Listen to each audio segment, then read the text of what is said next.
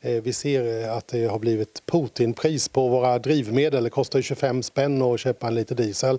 Krigsekonomin sätter världen i brand. Men är Putin verkligen huvudansvarig för Sveriges unikt höga drivmedelspriser? Meningarna går isär beroende på om du frågar ekonomer eller socialdemokrater. Jag heter Henrik Jönsson och jag är en oberoende libertariansk entreprenör och samhällsdebattör.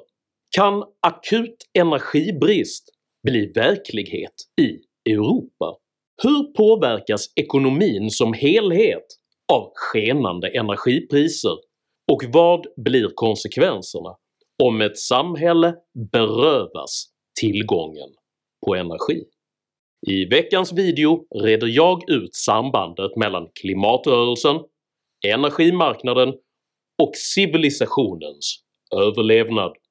Förra veckan donerade jag alla ekonomiska bidrag ni skickade till Röda Korsets hjälpinsats i Ukraina och som ni donerade.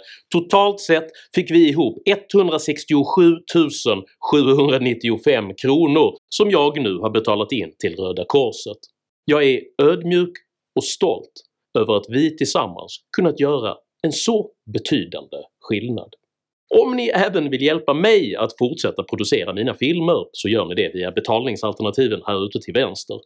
Om jag fick in bara en fjärdedel av vad ni donerade i förra veckan så skulle jag kunna anställa en researcher på heltid och på riktigt kunna börja bygga upp en helt egen liten redaktion. Så ett stort stort tack till de av er som även stöttar denna kanal.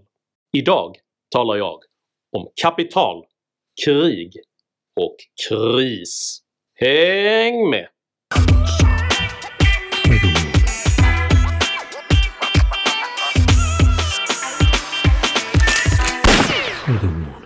Trädens olivolja friskar upp människans lemmar och bär upp Roms makt.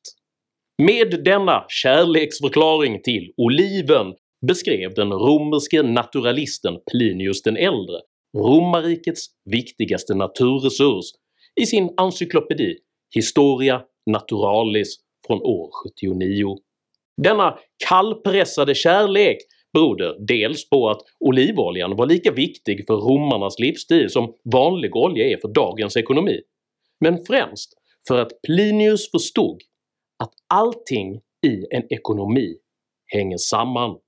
Utan olivolja kunde romarna nämligen varken hålla sina oljelampor tända, laga sin mat eller smörja de hästvagnar som var nödvändiga för all landburen transportlogistik. Brist på olivolja riskerade således snabbt att destabilisera hela det romerska imperiet.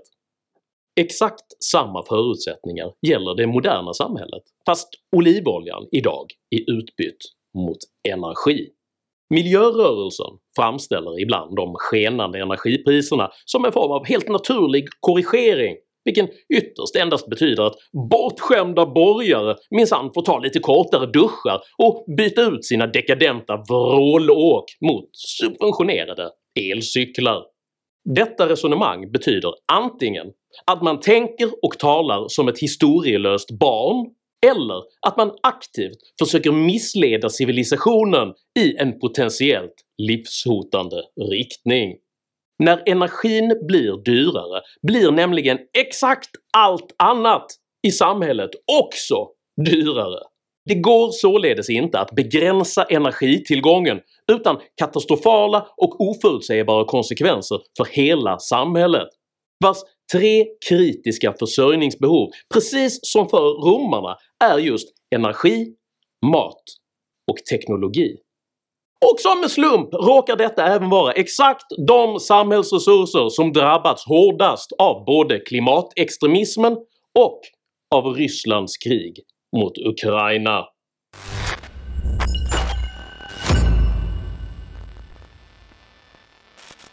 Europas energipriser började helt självförvållat att skena redan under 2021 Anledningen till detta var att gröna extremistgrupper på ideologisk grund under många många år tvingat fram ett stort antal ekonomiskt helt förödande energipolitiska beslut.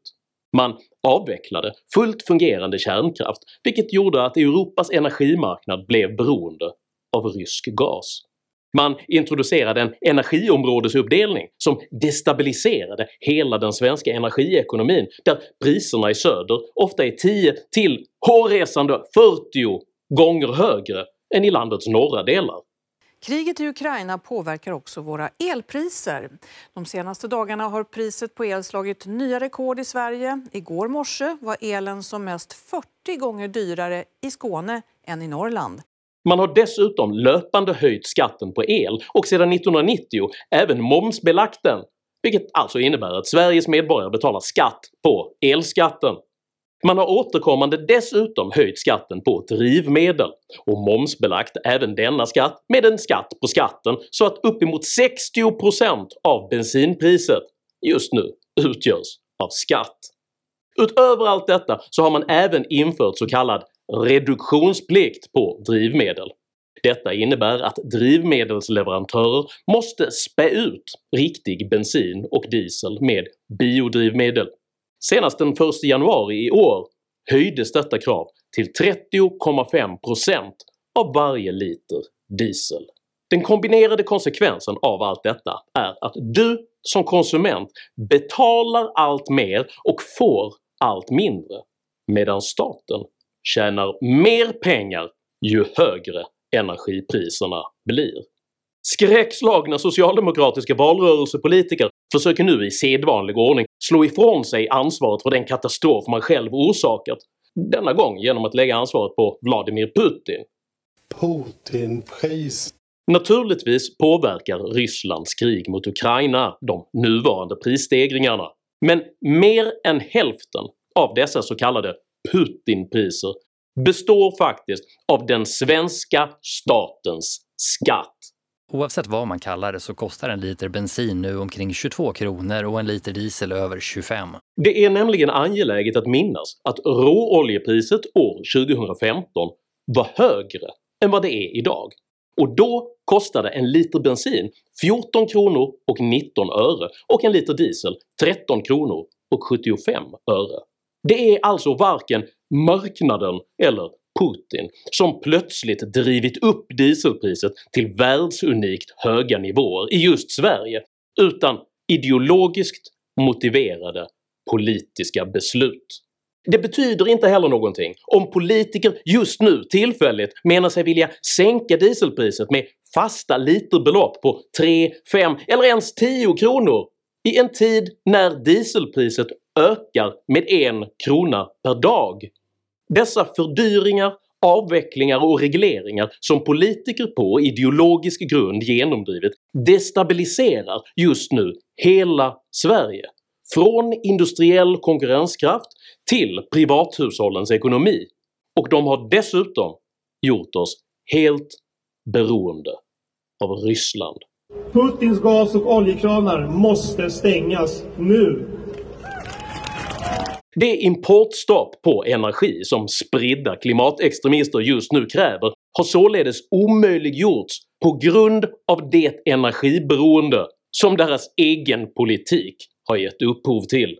För i nuläget skulle ett stopp av denna typ nämligen försätta Sverige i ett akut energikrisläge där varken transportsektor eller infrastruktur längre skulle kunna upprätthållas. Skulle man få den här effekten att man faktiskt stänger av eh, oljetillförseln från Ryssland, eh, då, då vet vi inte hur högt upp det kan, kan stiga. Kort sagt, om ett modernt samhälle berövas energi så dör det. Både bildligt och bokstavligen.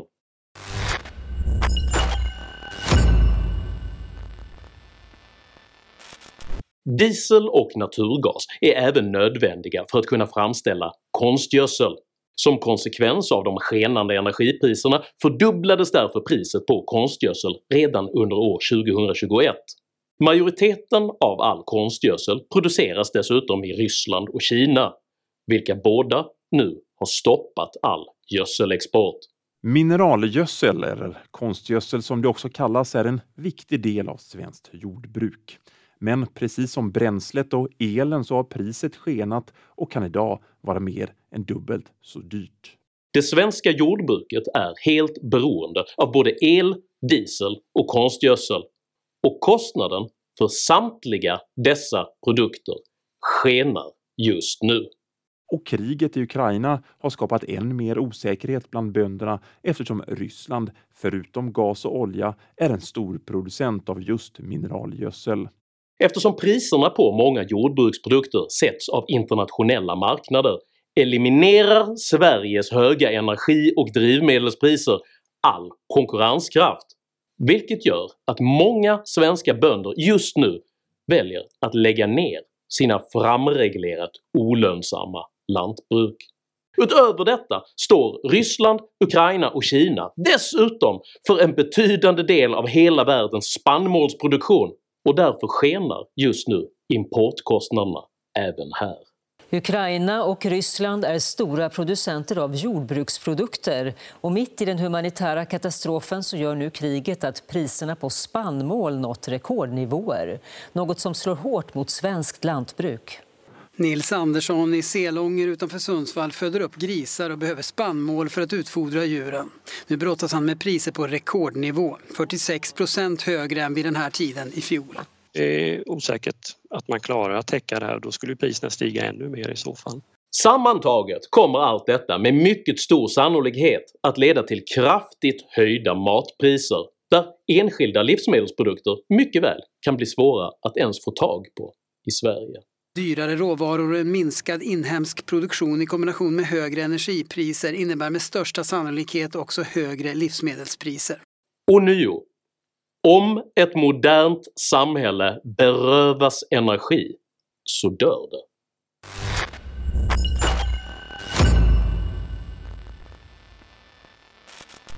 Halvledare är elektroniska komponenter som utgör kärnan i nästan all modern elektronisk utrustning. Utan halvledare är det exempelvis omöjligt att bygga datorer, mobiltelefoner och TV-skärmar, men även kylskåp, tvättmaskiner och bilar, för i stort sett all modern teknologi är på ett eller annat sätt beroende av halvledare. Taiwan står för 92% av världens sofistikerade halvledarproduktion eftersom hela Sydostasien dessutom drabbats mycket hårt av nedstängningar i samband med coronapandemin råder sedan ungefär ett år tillbaka svår brist på halvledare. Allvarlig skulle du beskriva att den här bristen av halvledare är för den svenska fordons, fordonsindustrin? Så är det inte långt kvar till att säga och ringa i varningsklockan att nu är, nu är det kris. Men vi har ju hört om detta då hela pandemin. Har, har man insett det här för sent eller varför kommer man inte ikapp med den här bristen?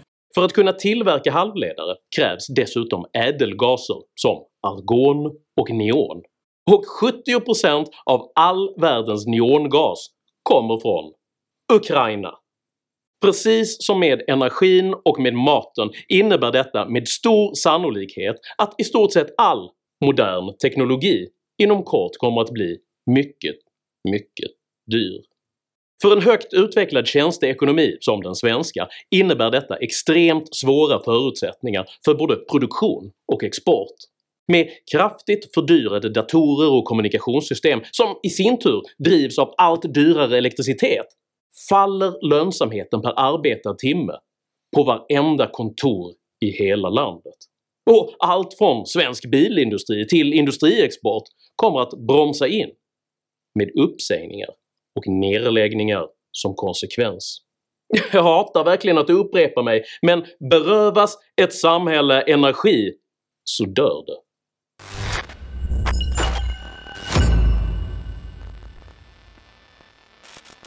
Att priset på allt fler vitala basvaror skenar leder nu till inflation.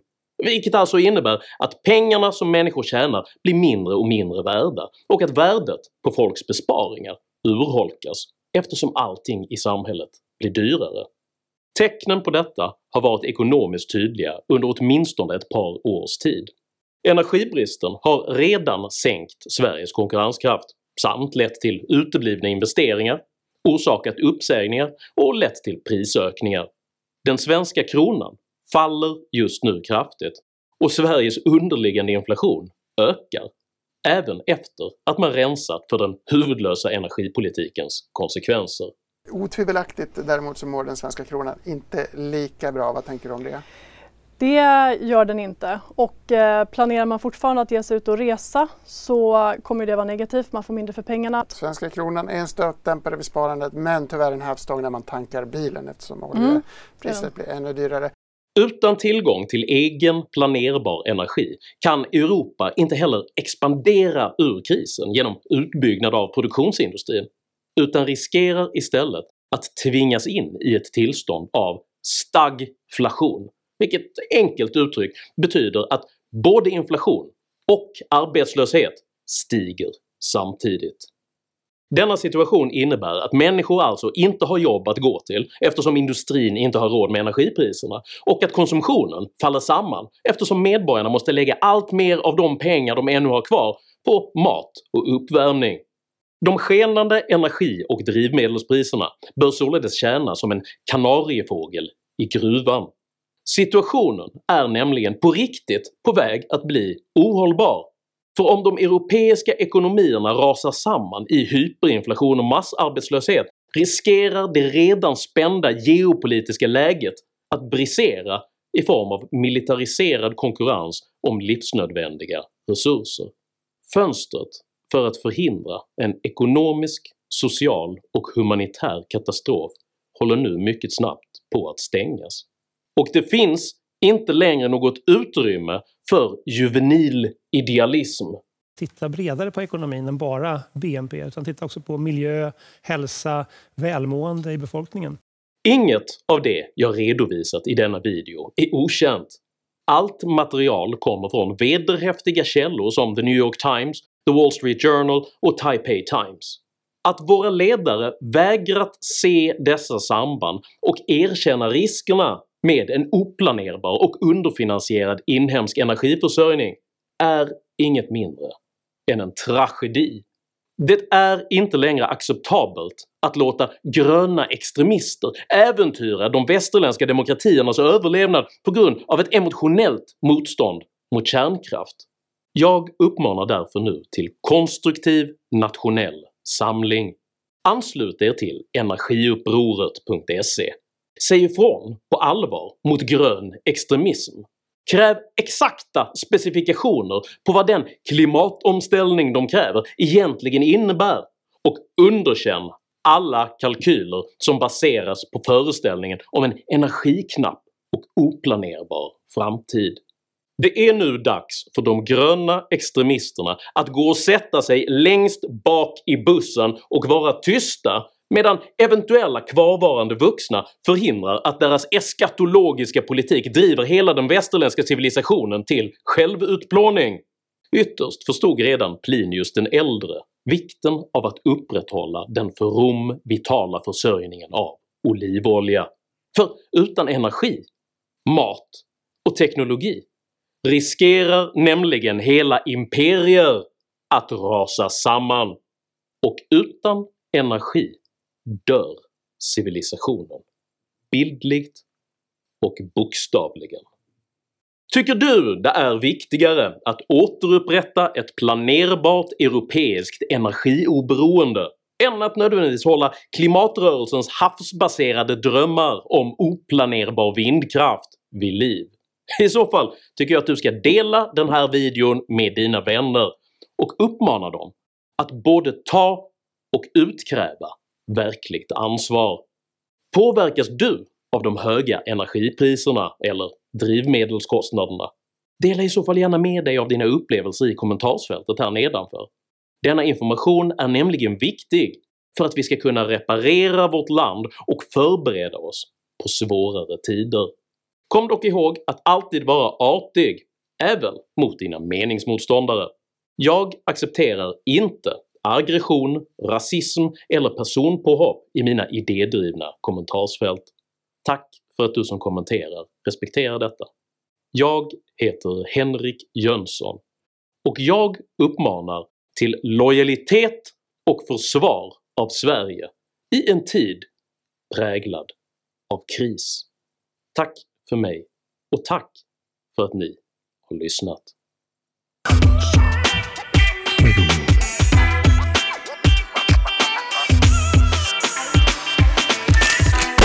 감사 합.